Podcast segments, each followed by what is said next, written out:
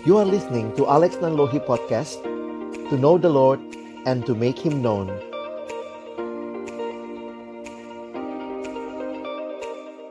Kami berterima kasih ya Tuhan buat kesempatan yang kau berikan bagi kami untuk kembali belajar akan firman-Mu.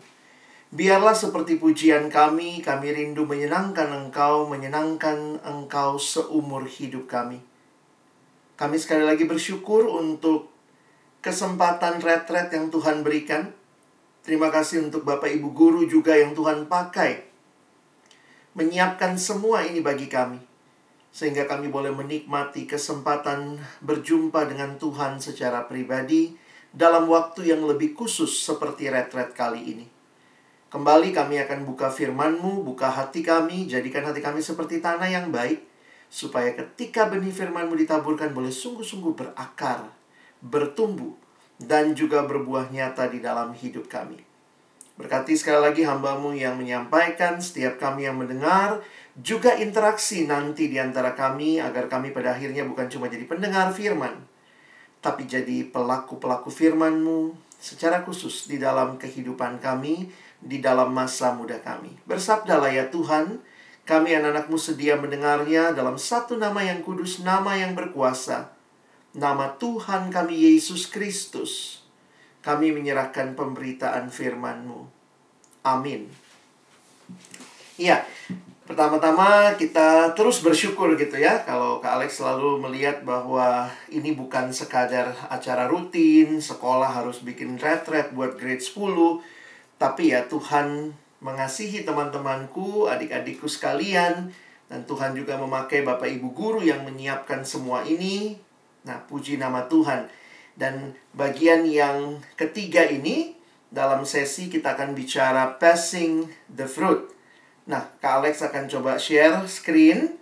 Dan nanti seperti yang dikasih tahu ya, ada waktu buat tanya jawab. Jadi kalian boleh bertanya, baik yang sudah dibahas dalam sesi 1, 2, 3, atau mungkin ada pertanyaan di luar itu, hal-hal yang kalian rasa perlu ditanyakan. Kalau Kak Alex bisa, nanti Kak Alex jawab ya. Nah, baik. Uh, ini bagian yang terakhir dalam bagian yang saya bawakan. Jadi kalau lihat dari awal gitu ya, kemarin kita bicara tentang desire hanya kepada Tuhan, dosa merusak desire itu, Tuhan memulihkan lagi relasi kita, sekarang kita ada di dalam Dia begitu ya. Nah, kita pertanyaannya what next? Ya, selanjutnya bagaimana? Nah, Kalex masih ambil ayat yang kita baca tadi ya. Saya ajak kita baca Yohanes 15, kalau tadi kita banyak bicara ayat 5-nya, di luar aku kamu tidak dapat berbuat apa-apa, maka perhatikan ketika kita tinggal di dalam Tuhan, apa yang akan terjadi. Nah, ini ayat 8 ya. Yesus berkata, dalam hal inilah Bapakku dipermuliakan, yaitu jika kamu berbuah banyak. Nah, kan berbuah banyak itu berarti dia tinggal kan, dia melekat pada pokok anggur. Kamu berbuah banyak, dan demi dengan demikian kamu adalah murid-muridku. Wah, ini menarik untuk kita perhatikan. Jadi berbuah lebat tidak mungkin terjadi di luar daripada daripada relasi dengan Tuhan. Dan ketika relasi dengan Tuhan kita alami dengan indah, perhatikan, kamu berbuah banyak. Dengan tinggal pada pokok anggurlah kita dapat berbuah banyak. Namun buah tersebut bukanlah semata-mata usaha kita. Dari mana? Apakah buah itu dari ranting? Tidak. Tetapi dari pokok anggurnya, ya. Dialah Allah kita. Dialah sumber segala sesuatu. Waktu kamu menikmati relasi dengan Tuhan, maka Tuhan memampukan kita menikmati juga buah-buah itu sebagai bukti nyata kehadiran Tuhan dalam hidup kita. Jadi makanya kalau kita berbuah banyak, siapa yang dipermuliakan? Coba lihat ayatnya tadi. Siapa yang dipermuliakan kalau kita berbuah banyak? Kalau buah itu cuma sekadar milik kita, wah, puji diri, haleluya, ya karena saya lah, maka buah itu ada. Tapi tidak demikian. Buah itu datangnya dari pokok anggur. Hanya kalau kita melekat, kita berbuah banyak. Karena itu, yang dimuliakan adalah Bapa. Kalau kita berbuah lebat, all the glory to God alone. Nah, teman-teman jangan lupa Ketika engkau terus melekat pada Tuhan, menikmati disiplin rohani, hidupmu berbuah, kamu jadi lebih sabar, kamu jadi lebih mengasihi, kamu jadi karena kan buahnya ini teman-teman, kalian coba perhatikan buah yang banyak ini apa sih kira-kira yang Alkitab maksudkan? Perhatikan, kalau buah itu kan berarti sesuatu yang keluar dari dari pokok anggur, ranting yang melekat. Nah, saya tuliskan begini. Berbuah banyak itu ada dua aspek. Pertama, dalam hidup kita secara pribadi. Jadi, bicara buah yang pertama dan terutama saya pikir adalah buah dari kehidupan yang mengalami pembaharuan dari Tuhan. Di dalam kitab Galatia kita belajar ada buah roh. Jadi buah roh itu kasih, sukacita, damai sejahtera, kesabaran, kemurahan, kebaikan, kelemah lembutan, penguasaan diri. Nah, itu adalah buah yang muncul karena kita melekat sama Tuhan. Kita makin mirip seperti Tuhan, hidup kita makin sabar, kita makin mengasihi, kita makin menguasai diri. Tapi menariknya, buah itu bukan hanya dalam hidup pribadi. Kenapa? Karena ketika engkau dan saya mengalami perubahan, maka kita pun dipakai Tuhan untuk berbuah bagi hidup orang lain. Itulah tema kita hari ini. We are not only um, experience the joy of having the fruit, but we are also passing it through, passing it on to others. Ya, kita berbuah dalam hidup orang lain. Jadi melalui hidup kita, orang lain di sekitar kita juga akhirnya hidupnya berubah mungkin dia alami pertobatan, dia juga melayani itu kan jadi akhirnya kita jadi berkat buat orang lain. Jadi buah itu jangan hanya dipikirkan untuk diri kita. Tetapi ketika kita mengalami transformasi, kita pun dipakai Tuhan membawa transformasi yang sama bagi lingkungan di sekitar kita. Ada seorang anak yang dia tinggal di keluarga yang mengalami pergumulan. Memang tidak mudah ya, keluarga kita juga nggak ada yang sempurna. Tetapi sebelumnya dia selalu protes. Kenapa begini kak? Dia ngobrol sama kak Alex ya. Kenapa Tuhan kasih saya keluarga semacam ini? Kenapa Tuhan kasih keluarga semacam ini? Selalu protes. Karena dia memang melihat papa mamanya berantem terus. Terus kemudian keluarga besarnya juga tidak peduli dengan mereka. Lagi dia pahit, punya kepahitan.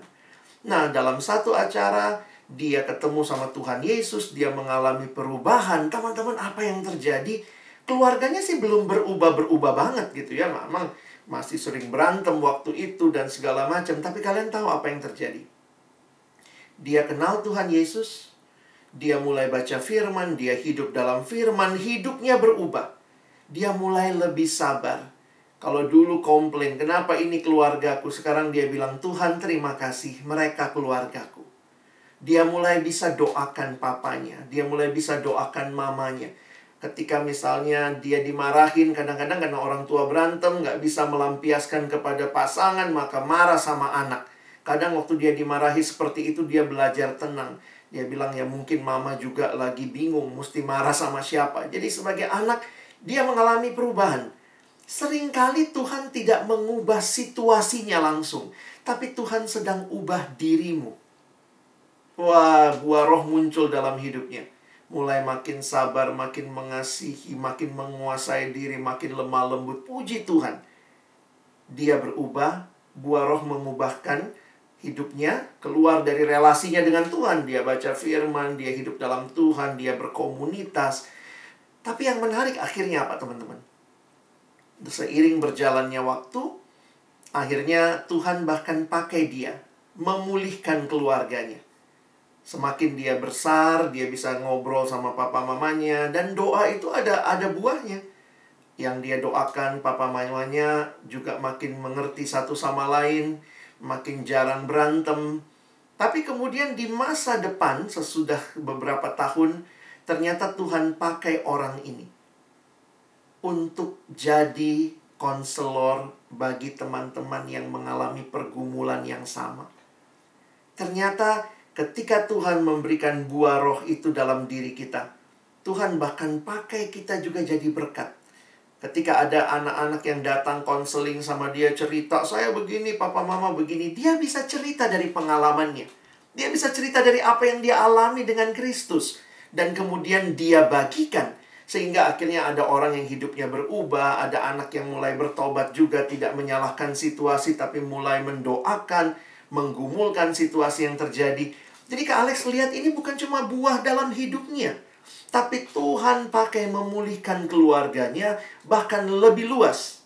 Tuhan pakai dia memulihkan banyak orang yang mungkin punya pergumulan yang sama. Teman-teman, jangan berpikir berbuah itu sesuatu yang sekadar egois, internal. Tetapi juga we are passing the fruit to others. Jadi, kalian ingat ya ayatnya tadi ya dalam hal inilah Bapakku dipermuliakan ya. Ini tadi ayatnya ya. Jadi Bapa dipermuliakan ketika engkau dan saya hidupnya berbuah, bahkan bukan hanya buat diri kita, we can also passing the fruit. Makanya ada kalimat begini. Kadang-kadang kita pikir Tuhan hanya dimuliakan kalau praise and worship. Wow, waktu nyanyi kita praise and worship, Tuhan dimuliakan. Perhatikan kalimat ini. God is glorified. Ya. God is glorified not by praise and worship alone, but by his followers also bearing fruit for the advancement of his kingdom on earth. Allah dimuliakan bukan hanya waktu kita nyanyi, praise and worship, tapi ketika engkau dan saya menghasilkan buah yang banyak Kadang-kadang Kak Alex pikir gini ya, kenapa Tuhan nggak ngomong cuman menghasilkan buah? Pernah nggak mikir? Kenapa Tuhan nggak bilang dengan demikian kamu berbuah? Bukan hanya itu. Tapi Tuhan mau menyatakan kamu berbuah banyak. Banyak inilah yang akhirnya saya coba tafsirkan. Berarti bukan hanya buat diri sendiri. Tetapi bahkan bagi kemajuan kerajaan Allah. Ada orang-orang lain yang menikmati buah yang banyak yang melimpah dari hidupmu. Nah, sehingga di dalam bagian kalimat ini penutupnya here again. Sekali lagi di sini dinyatakan fruit bearing is the evidence is evidence of being true believers or being Jesus disciples. Perhatikan kalimatnya tadi kan? Kalau kamu berbuah banyak, maka orang akan tahu kamu murid-muridku. Nah, ayatnya tadi Yohanes 15 ayat 8. Bapa dipermuliakan, kita berbuah banyak, Orang lihat kita murid Kristus. Kenapa? Karena buah kita nyata. Bahkan bukan cuma nyata, bisa dialami oleh orang lain. Sehingga waktu orang lihat hidup kita, ih, ini muridnya Tuhan. All the glory to God. Jadi teman-teman, Kak Alex makin menyadari ya, kalau kita mengalami hidup yang berubah, itu pasti bukan hanya untuk diri kita sendiri. Saya ulangi, kalau engkau dan saya mengalami hidup yang berbuah di dalam Tuhan, it's not only for ourselves. Kenapa? Karena memang Tuhan tempatkan kita juga dalam komunitas. Nah, masih ingat tadi ya?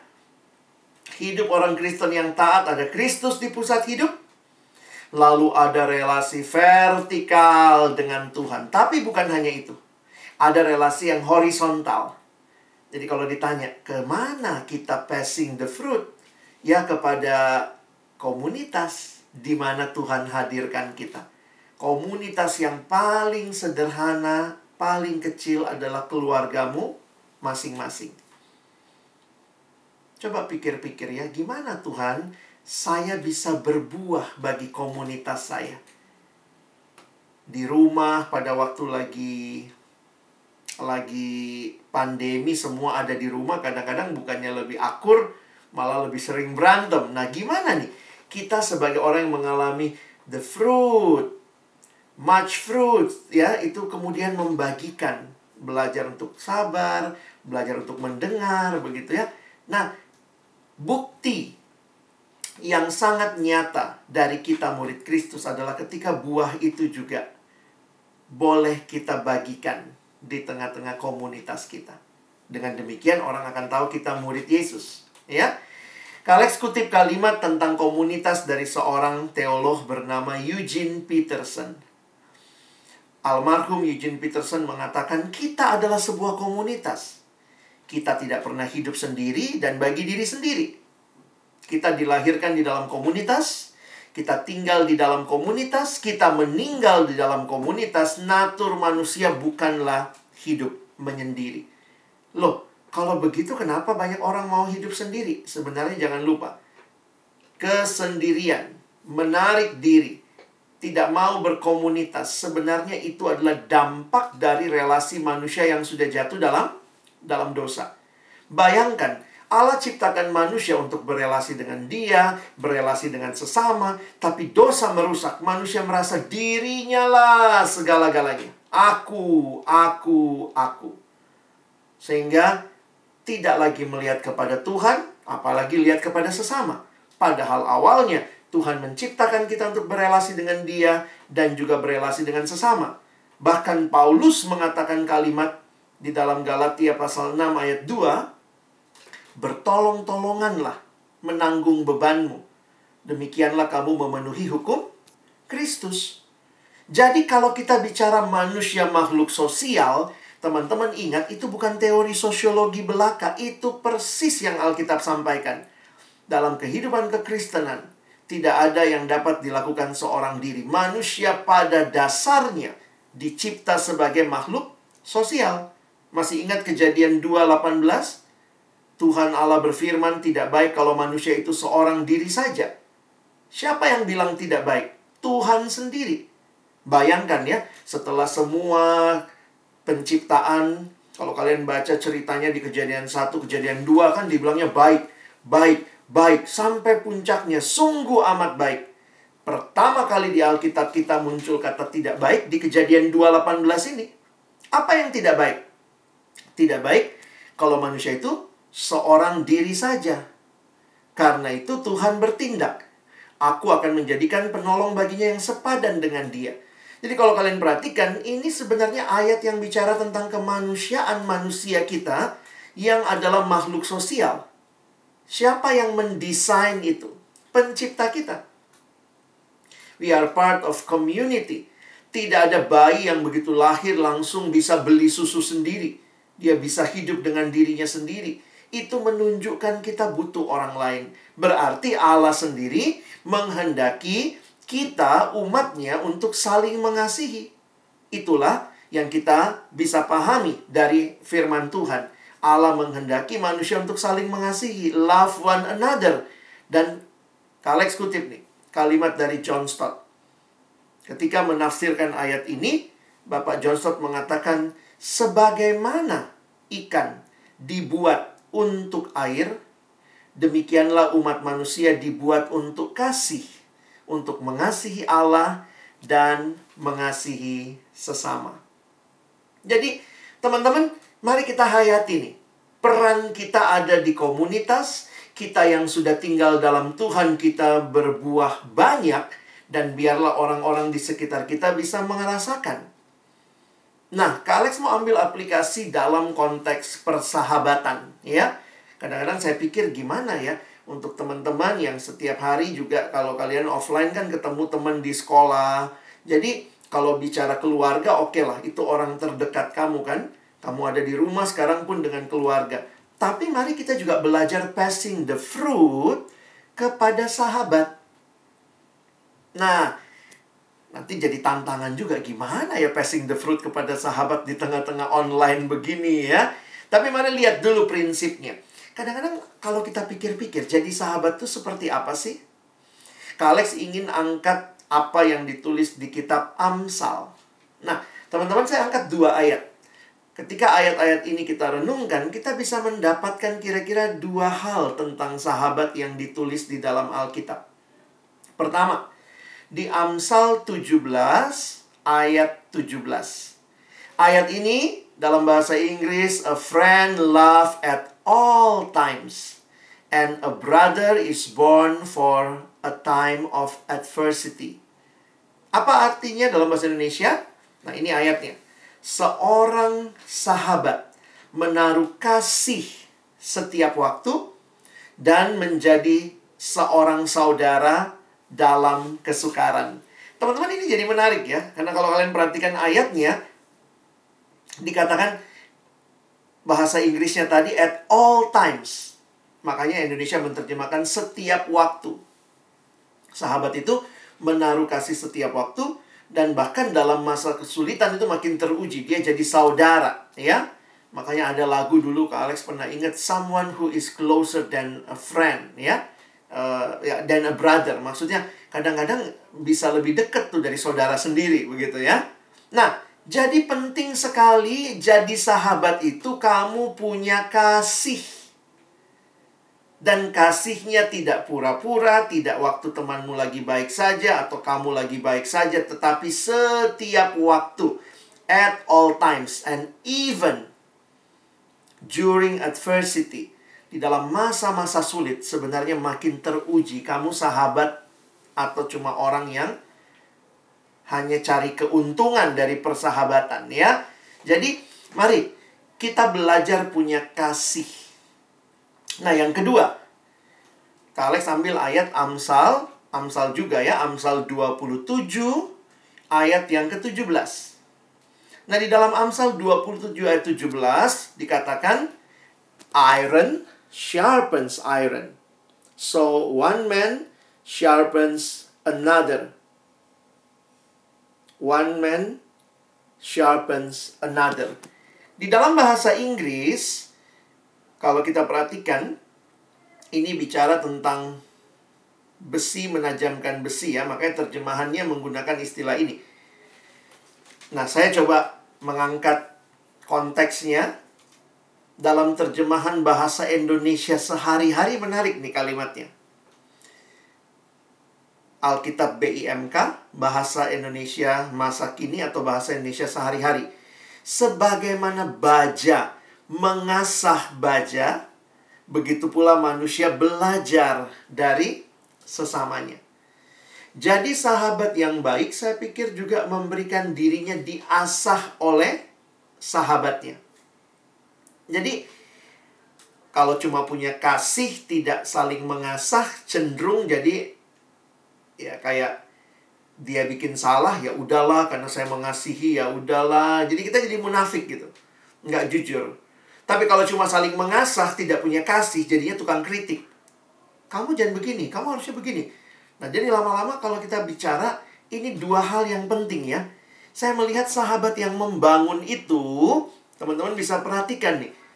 Kalau mungkin sekarang kita bicara di mana ada sahabat yang kayak gitu, saya pikir jangan cari sahabat seperti itu, tapi pertama dan terutama, jadilah sahabat seperti itu. Alex ulangi. Kadang-kadang orang bilang ideal banget sih hmm, cari sahabat yang saling mengasah, saling mengasihi. Ya, di mana carinya, Kak? Tapi kadang saya pikir bukan itu yang poin paling penting. Tetapi mari pertama-tama engkau belajar jadi sahabat yang seperti itu. Sahabat yang saling membangun. Waktu kalian saling membangun, di situ kalian bisa jadi berkat satu sama lain. Sahabat yang membangun itu sahabat yang bagaimana? Yang asah dan asih, ya. Nah, ini mungkin kalau kita bicara satu sisi dia asih mengasihi dan dia juga asah mengasah sahabatnya. Nah, jadi teman-teman yang dikasihi Tuhan, kerinduan kita adalah dalam situasi yang sulit pun kita tetap bisa jadi sahabat yang saling mengasihi dan saling mengasah, ya. Kalau teman-teman perhatikan, sahabat yang membangun itu adalah yang asih di satu sisi dan asah di sisi yang lain. Next slide. Nah, apalagi yang kita perlu perhatikan? Teman-teman perhatikan pergaulan. Karena waktu kita bicara jadi berkat, jadi fruit, passing the fruit, sering kali yang jadi tantangan kita adalah pergaulan. Next slide. Kita lihat ayat Alkitab mengatakan kalimat ini. 1 Korintus 15 ayat 33, Janganlah kamu sesat pergaulan yang buruk merusakkan kebiasaan yang baik. Next slide. Kadang kita pikir gini ya, inilah realita manusia yang sudah jatuh dalam dosa. Kita ada dalam dunia di mana ada tuh pergaulan yang buruk. Teman-teman harus ingat baik-baik. Jangan sampai kita juga kayak sok kuat. nah ini Kak Alex belajar dari naik pesawat ya. Coba next slide Bu. Jadi kan kita mesti lihat ya, pergaulan yang buruk merusak kebiasaan yang baik. Lihat loh, kebiasaan itu sesuatu yang kita lakukan berulang-ulang. Kebiasaan itu sesuatu yang kita lakukan berulang-ulang.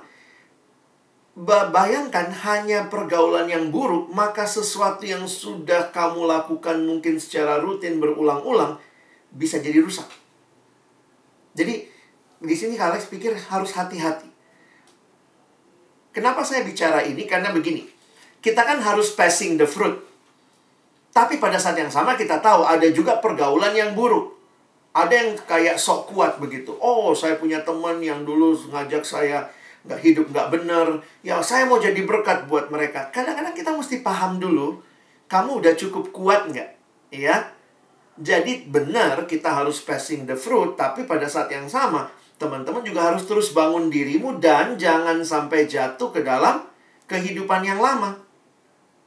Jadi kalau saya membayangkan gitu ya, e, kalau naik pesawat, salah satu yang Kak Alex ingat itu selalu ada petunjuk begini ya, kalau masalah penggunaan apa tuh e, masker oksigen ya, nanti kemudian dikasih tahu e, pertama-tama kalau ada tekanan udara yang drop, maka master oksigen akan turun dari atas kepala saudara. Nah, kalimatnya menarik tuh. Kalau saudara bertravel dengan orang lain, mau membantu orang, pakailah maskermu lebih dulu. Wah, itu kayak eye opening buat saya juga ya. Iya ya. Kadang-kadang kita memang mau jadi berkat di dalam situasi yang sulit, tapi kita sudah sanggup nggak? Sudah cukup kuat nggak? Makanya Alkitab mengingatkan kita bahwa di tengah-tengah dunia di mana kita harus jadi berkat, kita pun harus waspada. Karena kepergaulan yang buruk merusakkan kebiasaan yang baik. Next. Jadi kita kadang harus memilih, teman-teman. Kita harus memilih pergaulan seperti apa. Yang mana nih? Saya sudah cukup kuat nggak untuk masuk ke pergaulan seperti itu yang mungkin mungkin akan mengajak kamu balik lagi dalam hidup kamu yang lama dan saya pikir bukan seperti itu seharusnya. Kamu harus bisa berkata tidak. Saya sudah di dalam Tuhan. Nah, jadi next slide. Kalian ingatkan jadilah sahabat yang baik bagi sesamamu. Kalau Alkitab menggunakan istilah next Bu. Salt and light, jadilah garam dan terang dunia. Nah, di sini saya pikir kita perlu juga nih ya, punya komunitas yang sama-sama mau hidup benar. Jadi jangan cuma punya sahabat-sahabat yang mungkin membawa kamu makin jauh dari Tuhan, tapi carilah komunitas yang benar-benar mau membangun hidupmu, termasuk untuk hidup di dalam Tuhan. Kadang-kadang saya sedih ya, next slide mungkin. Ini kalau kalian suka sharing, banyak anak Tuhan, orang Kristen itu nggak jadi trendsetter, tapi malah jadi trend follower. Teman-teman malas gue ikut males gitu ya. Teman-teman kayaknya cuek gue ikut cuek. Harusnya kita nggak begitu ya. Kalau kamu adalah garam dan terang dunia be a trendsetter. Teman malas semua malas. Harusnya kamu bilang no yuk kita jangan malas. Kita bangun semangat kita. Jadi saya sedih juga sih kalau melihat banyak orang not passing the fruit but even destroy the fruit they already have sorry ya malah menghancurkan buah-buah yang sebenarnya sudah muncul dalam hidupnya. Bukannya dia bagikan itu menjadi sebuah tren yang baik. Buah roh bukan kemalasan, tapi disiplin, ada penguasaan diri. Harusnya kan kita yang trendsetter gitu. Teman-teman, ayo sama-sama kita serius. Kita ibadah dengan serius, matiin gadget kita. Nggak usah guru yang ngomong. Kita sebagai sesama siswa, yuk kita fokus. Yuk sama-sama kita bangun satu kehidupan yang berbuah dan buahmu itu dirasakan di tempat sekitarmu. Jadi kadang Alex pikir Tuhan ampuni kami ini ya Udah berbuah malah gara-gara pergaulan Takut sama teman Cuma jadi follower nggak mau jadi trendsetter Kita buang buah kita Kita kesampingkan buah yang harusnya sudah ada Dan bahkan harusnya kita passing to others Nah apa pedoman kita? Next Ya saya pikir tadi kita udah bahas ya kita harus menjadikan firman Tuhan lah penentu yang mana yang benar dan salah. Bukan pendapat orang. Satu kelas mau nyontek. Apakah itu benar? Kamu bilang no. Meskipun semua orang nyontek. Saya nggak mau. Kenapa? Patokan saya firman Tuhan. Bukan pendapat seluruh teman. Solidaritas harusnya tidak menjadi solidaritas yang salah. Banyak orang solidaritas, tapi bukan solidaritas itu. Itu sama-sama jatuh dalam dosa, itu sama-sama terjun bebas di dalam ketidakbenaran. Makanya Alkitab mengingatkan kita, khususnya orang muda. Next slide. Dengan apakah seorang muda mempertahankan kelakuannya bersih? Bukan ikuti pendapat umum, semua orang, semua nonton porno kita ikutan, tapi jaga hidupmu dengan firman Tuhan. Next slide. Di Mazmur yang sama, Mazmur 119, pemazmur menuliskan firmanmu itu pelita bagi kakiku. Seolah-olah pemazmur membayangkan dia ada dalam dunia yang gelap, dunia yang tidak jelas. Dalam kegelapan itu kemudian dia berkata, firmanmu itulah pelita bagi kakiku. Kalau saya berjalan terus tanpa pelita itu saya mungkin jatuh, saya tersandung. Tetapi kalau saya berjalan dalam firman-Mu, di situ saya tahu terang terjadi. Saya tahu langkah-langkah berikutnya. Ya. Jadi teman-teman, Alex rindu benar-benar passing the fruit ya. Jangan matikan fruit yang sudah tumbuh. Kebiasaan yang baik, kebiasaan untuk me membangun hidup. Itu gara-gara pergaulan yang buruk yang satu bilang ayo kita lakukan ini. Semua ikut lakukan padahal udah tahu nggak benar ya. Seringkali solidaritas anak remaja begitu. Tergantung kata teman. Tergantung kata teman. Sekarang lihat tergantung kata temanmu yang sejati. Siapa itu? Tuhan Yesus. Apa kata temanmu yang sejati? Sahabatmu yang sejati? Kalau Tuhan bilang jangan itu salah kamu harusnya berdiri dan berkata, "Follow me. I want to be a trendsetter." Kamu lakukan itu salah. Tapi nanti kita dibenci orang, dibenci teman. Saya pikir mana lebih kita lebih takut dibenci orang ya daripada dibenci Tuhan ya. Kadang-kadang kita suka merasa ya pilihannya adalah Tuhan mana nggak kelihatan mana kalau Tuhan marah Tuhan jutek nggak kelihatan nggak kelihatan kalau teman gue jutekin kak kelihatan kak mukanya kesel banget dia jadi akhirnya ya udah gue milih jutekin Tuhan gitu ya. Apa dijutekin Tuhan tapi teman kan jadi solider. Itu bukan hal yang tepat. Ya teman-teman ingat hari ini Tuhan inginkan kita benar-benar berbuah and passing the fruit so the world will know that you are Jesus disciples. Ya. Nah ini aplikasi praktis nih. Kadang-kadang Kak Alex mikir gimana ya dalam masa-masa next slide ya? Gimana membangun online relationship Kadang-kadang banyak dari kita yang merasa, next slide, kayaknya lebih gampang kalau offline ya. Tapi saya kadang-kadang mikir begini ya, ini bukan masalah online offline ya. Tentu dalam situasi ini kan kita hanya bisa offline, eh online. Poinnya ke Alex adalah sebenarnya harus dimulai dari hidup yang melekat dari dalam Tuhan. Kalau kamu hidupmu melekat dalam Tuhan, maka nggak masalah online offline, kamu akan pasti berbuah dan buahmu itu akan banyak dan buah yang banyak itu akan kau rindukan memberkati orang di sekitarmu. Jadi saya berpikir ini bukan masalah online atau offline. Dalam online pun kalian HBL home based learning, you can still be a trendsetter, you can still share the good things. Kamu bisa juga membangun orang lain, paling tidak ya ini paling tidak. Next slide ya. Kalian sudah belajar dari Alkitab. Paulus beberapa kali menulis surat itu dari dalam penjara. How he built relationship from the prison. Gimana? Kadang-kadang kita pikir ya build relationship hanya terjadi waktu kita offline. Betul, memang terjadi waktu kita offline. Tapi waktu kita nggak bisa bertemu. Belajar dari kesaksian Rasul Paulus. Dia berkata, aku berdoa untuk kamu. Wah, ini ini jadi satu hal yang makin nyata buat Kak Alex sekarang ya. Gimana membangun relasi? I can pray for one another. Coba belajar tanya ke temanmu, mungkin teman kelompok nanti ya. What can I pray for you? That is something that you share the fruit of the Spirit. The fruit yang kamu alami dari Tuhan. You can pray for one another and even we can encourage one another ya. Uh, jangan lang, lang, lang uh, jangan jadi berpikir saya hanya bisa jadi berkat itu kak kalau offline nggak juga Kalau kamu offline juga nggak bertumbuh, nggak ngalamin dari Tuhan, nggak melekat dalam Tuhan, what will you share? Mau share apa? Tapi ketika engkau di dalam masa online ini, kamu melekat sama Tuhan, kamu bertumbuh, you want to share something. The first step, pray for one another. Berdoa untuk gurumu, berdoa untuk teman-teman kelasmu.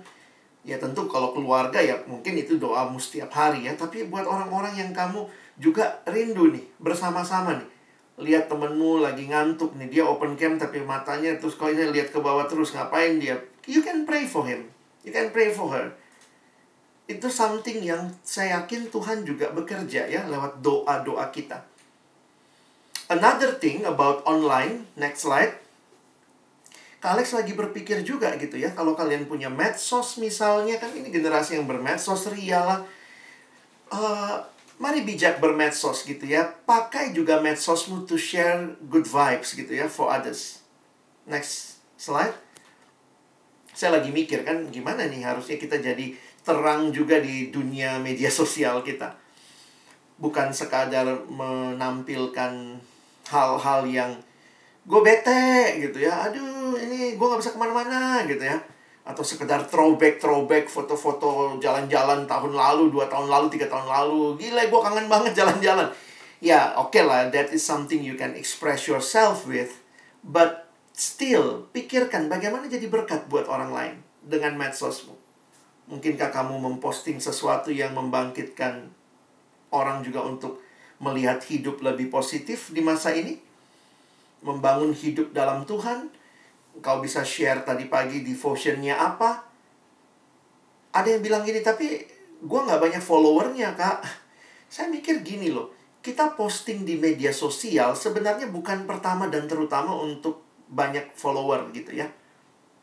Tapi biarlah engkau posting di media sosial pertama dan terutama karena engkau followernya Jesus if you are Jesus follower you experience something you bear much fruit then you will really have a longing for for yourself to share ya passing the fruit gitu. Jadi kalau orang cuman posting supaya banyak follower sedih sih. Kamu akan berhenti berhenti share kalau nggak ada follower kalau nggak ada yang ngeliat. Tapi kalau kamu alami dengan Tuhan you are follower of Christ kamu sharing wah itu jadi sesuatu yang kamu mem, apa membangun orang lain gitu. Saya pikir dunia sosial juga sebenarnya saat ini sedang sedang mencoba membangun itu gitu ya. Contohnya lah kalau sekarang kan banyak yang pakai Instagram ya. Kenapa ada fasilitas tag tag teman? Instagram aja tahu kok cara sharing, how to share with others gitu ya kita aja mungkin ya nggak pakai dengan baik gitu ya. Mungkin kamu posting ayat tertentu yang berkesan di retret ini terus tag beberapa temanmu. Terus kadang-kadang di Instagram tuh ask question. Kadang-kadang kita bisa bertanya gitu ya. Mungkin kamu bisa tanya, "What can I pray for you my friend?" Nanti biar temanmu isi lalu you can pray for them. Jadi sebenarnya ini banyak hal kok yang kita bisa share even during online situation. Kak Alex sharing satu pengalaman ya. Ketika saya mimpin retret Dian Harapan beberapa tahun lalu, ini mungkin sudah sekitar lima tahun lalu di salah satu lokasi ya, saya nggak usah sebut ada di mana. Saya pimpin retret di situ dan biasanya kan kalau retret on off, offline, jadi habis uh, sesi kadang-kadang Kak Alex duduk makan sama anak-anak siswa ya waktu itu rekoleksi kelas 12 jadi rekoleksi kelas 12, saya duduk makan sama beberapa siswa kelas 12 dan terjadi percakapan ngobrol-ngobrol. Nah, saya terkesan dengan satu anak. Ini belum belum masa sekarang ya, belum online, sekitar lima tahun lalu lah. Terus dia bilang gitu, iya kak, uh, gue tiap hari posting katanya di line group. Wah, oh jadi dia bikin line group teman-teman, dia bikin line group.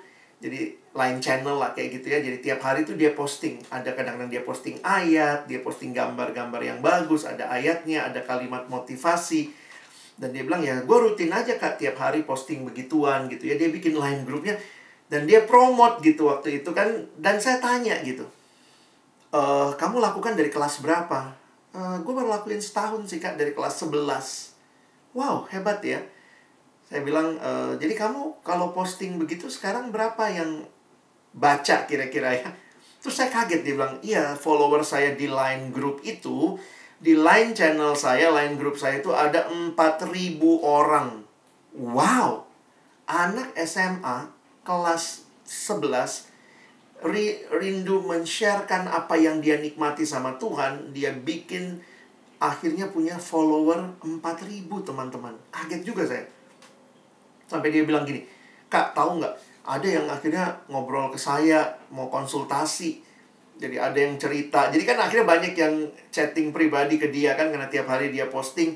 Waktu itu dia bilang, iya ada yang pernah sampai mau konsultasi perceraian sama aku kak. Aku kan nggak ngerti ya, saya kasih ke pendeta gitu. Jadi banyak yang nggak tahu yang mengelola akun sharing firman Tuhan itu setiap hari seorang anak SMA kelas 2, kelas 11 saya pikir terlepas dari ya dia seorang siswa ya, tapi bagi saya dia punya kerinduan untuk share apa yang dia nikmati dengan Tuhan dan dia pakai medsosnya. Dan kadang saya pikir kita punya medsos, mungkin punya Line, punya Instagram, punya Facebook, punya Twitter, mungkin punya apalagi Snapchat, kita punya TikTok. What you do with all things, all those things? Kita ngapain? Bisa nggak kita bagikan berkat? Dunia maya aja begitu kuat loh. Tolong menolong ya. Dunia maya itu. Coba next slide, Bu. Kalau main PUBG aja ada nge-revive, ada revive, ada nge-pick gitu ya. Itu kan masalah tolong menolong ya. Next slide ya. Ini cuman gambar-gambar aja. Kalian lebih ngerti lah dari Kak Alex gitu ya. Kadang-kadang kita di level berapa baru bisa bantuin orang, bisa transfer ini kita gitu ya. Revive, nge-pick, next slide. Dunia PUBG aja kenal hal seperti itu. Sharing with others, helping others. Next slide. Nanti kalau gua maju lu cover ya gitu ya. Kadang-kadang saya pikir please gitu ya. Online itu bukan penghalang untuk kita share. Kalau dunia maya aja bisa menawarkan seperti ini, sebenarnya dunia maya pun menyadari betapa pentingnya komunitas. Nah, kita mesti mikir nih kita di dunia maya nih ya, sekarang online. Tapi bisa nggak kita lakukan hal-hal yang real? Jangan cuma baik di dunia maya, itu juga jangan begitu ya. Dia baik banget di status Instagramnya, baik banget di status WA-nya, di line share, line statusnya. Tapi dia dalam hidup sehari-hari gimana? Ya, Alkitab bicara banyak tentang one another. Coba lihat next slide. Di Alkitab tuh banyak. Teman-teman kalau baca tuh banyak tuh. Karena memang kita didesain untuk hidup bersama. Jadi menerima satu sama lain, care for one another, carry each other burden. Bahasa Inggris menggunakan istilah biasnya one another, bahasa Indonesia pakai istilah saling. Saling mengaku dosa, saling mendoakan, saling melayani. Please consider those things. Ini penting loh kita lakukan sebagai part of community. Alkitab bicara hal seperti ini. Mungkin kamu bilang, aduh kak, tapi susah ya. Susah kita mesti pikirin ya. Saya bisa juga kan kita kirimin teman kita apa kayak dari Gojek gitu ya, dari online shop. Kadang-kadang saya pikir banyak hal kok kita bisa lakukan. Kalau kamu kenal temanmu, tahu pergumulannya. Pertama, yang paling sederhana, you can pray for them. But mungkin kita bisa maju lagi. Dia lagi kayaknya bingung masalah ini. Terus gue waktu lihat di online shop kemarin, eh ada buku bagus nih. Gue kirimin deh, minta alamat rumah lo gue kirim deh something. Jadi kita bukan hanya di dunia maya, care one another. Dalam dunia nyata, let's do something that will impact others' life. Ya, kurang banyak nih one another-nya. Next lagi, Bu. Ini Alkitab nih, lebih banyak lagi. Silakan kalau kamu mau screenshot, lihatlah. Nggak cuma sekedar one another only in few things. Many, many things in the Bible. It's about one anothering.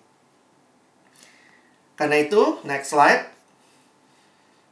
Alkitab mengingatkan kita ya, khususnya buat orang-orang percaya yang disurati waktu itu, jangan menjauhkan diri dari pertemuan ibadah kita seperti dibiasakan beberapa orang. Ini bukan hanya menjauhkan diri dari kebaktiannya, tetapi orang-orang yang dikritisi waktu itu menjauhkan diri dari kesempatan one anothering pertemuan-pertemuan ibadah di dalamnya memang kita berjumpa dengan Tuhan, tapi kita juga berjumpa dengan sesama. Karena itu lihat, ayat ini mengatakan tetapi marilah kita saling menasehati dan semakin giat melakukannya menjelang hari Tuhan yang mendekat. Tuhan kasih komunitas untuk teman-teman dan saya yang sudah berbuah banyak di dalam Tuhan to share the fruit, to passing the fruit, to pass the fruit to others, ya. Saya tutup lagi dengan kalimat dari Santo Agustinus. Next slide. Nah, yang Katolik kenal banget ya Santo Agustinus sering disebut. Satu waktu Santo Agustinus ditanya, bagaimana bentuk dan rupa kasih itu? Next, Agustinus menjawab, kasih memiliki tangan untuk menolong orang lain. Next, kasih memiliki kaki untuk menghampiri mereka yang miskin. Next, kasih memiliki mata untuk melihat kebutuhan-kebutuhan orang lain. Kasih memiliki telinga untuk mendengar rintihan mereka yang menderita. Demikianlah rupa kasih. Ketika ditanyakan tentang kasih, Santo Agustinus tidak menjawab itu sebagai sebuah konsep, tapi sebuah tindakan nyata. Kalau teman-teman saat ini mengalami buah itu dari Tuhan, kamu pun rindu membagikannya dengan penuh kasih. Mungkin tidak selamanya orang butuh barang ya. Mungkin orang cuma butuh doamu. Let's in HBL seperti ini kita saling membantu. Ada teman yang mungkin kesulitan belajar karena gurunya menerangkan kecepatan atau mungkin juga guru juga bergumul teman-teman ya banyak nggak yang doain gurunya ngajar online bapak ibu bergumul untuk ngajar online kadang-kadang sulit juga jadi apakah kita saling mendoakan kalian bisa lakukan itu kalian bisa tolong teman yang gue nggak ngerti tadi ajarnya apa oke gue cukup ngerti gue ajarin ya kita zoom berdua ya kita bisa do something yang lebih konkret lebih real Bahkan mungkin ada yang gue bete banget di rumah gue nih. Aduh, semua udah chaos banget nih. Gue cuma butuh teman untuk sharing. You can give your ears for them. Just to listen. Mungkin kita nggak butuh juga. Ya, I just want to listen. Gue juga masih remaja, gue nggak punya solusi untuk pergumulan keluarga lo. But at least I can listen and pray for you. Apa yang kita lakukan? Apa yang kita kembangkan?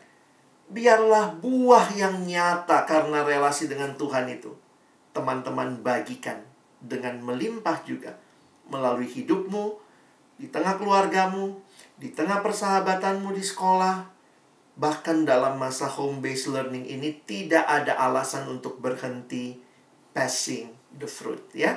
Kiranya Tuhan menolong kita nanti dalam kelompok coba pikirkan hal-hal yang lebih real yang you can do for one another ya. Kiranya Tuhan menolong kita. Terima kasih buat kesempatan ini saya kembalikan kepada mungkin Miss Ruth ya yang akan memoderasi tanya jawab kita. Terima kasih. Terima kasih Pak Saleh. Sama-sama. Apakah suara saya cukup terdengar jelas, anak-anak? Jelas, Bu. Mendengar ya. Sekali lagi terima kasih untuk Pak Alex. Meskipun tadi di tengah-tengah pada saat sempat Pak Alex juga mengalami kendala ya. Mm-hmm. Jadi ternyata juga ada 60-an siswa kita yang juga ke disconnect begitu Pak. Oh oke. Okay.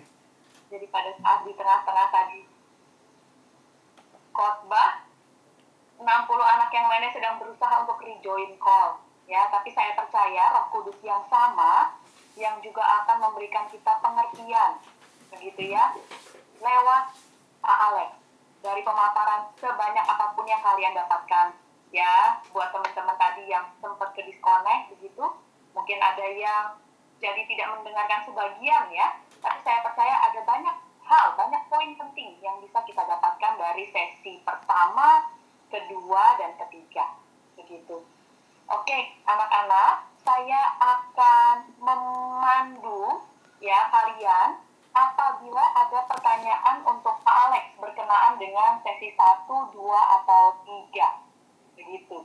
Ya, diberikan kesempatan yang mau bertanya secara lisan boleh angkat tangan.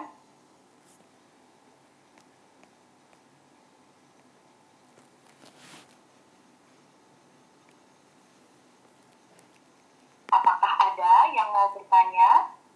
Pelajaran bukan sesi sinkronus ya. Anak-anak ada yang mau bertanya nggak dari video yang sudah kalian tonton? Ternyata tidak ada, tapi semua sudah paham dong. Nah, sekarang gantian saya yang tanya ya. Buat kalian yang bisa menjawab, silahkan angkat tangan ya